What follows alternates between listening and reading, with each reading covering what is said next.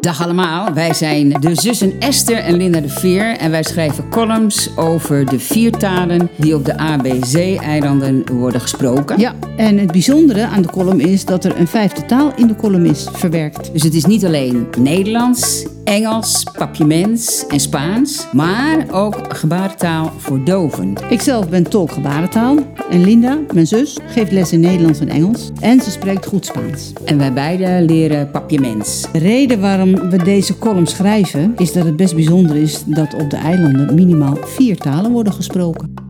Luister ook naar de afleveringen van Hey Zus.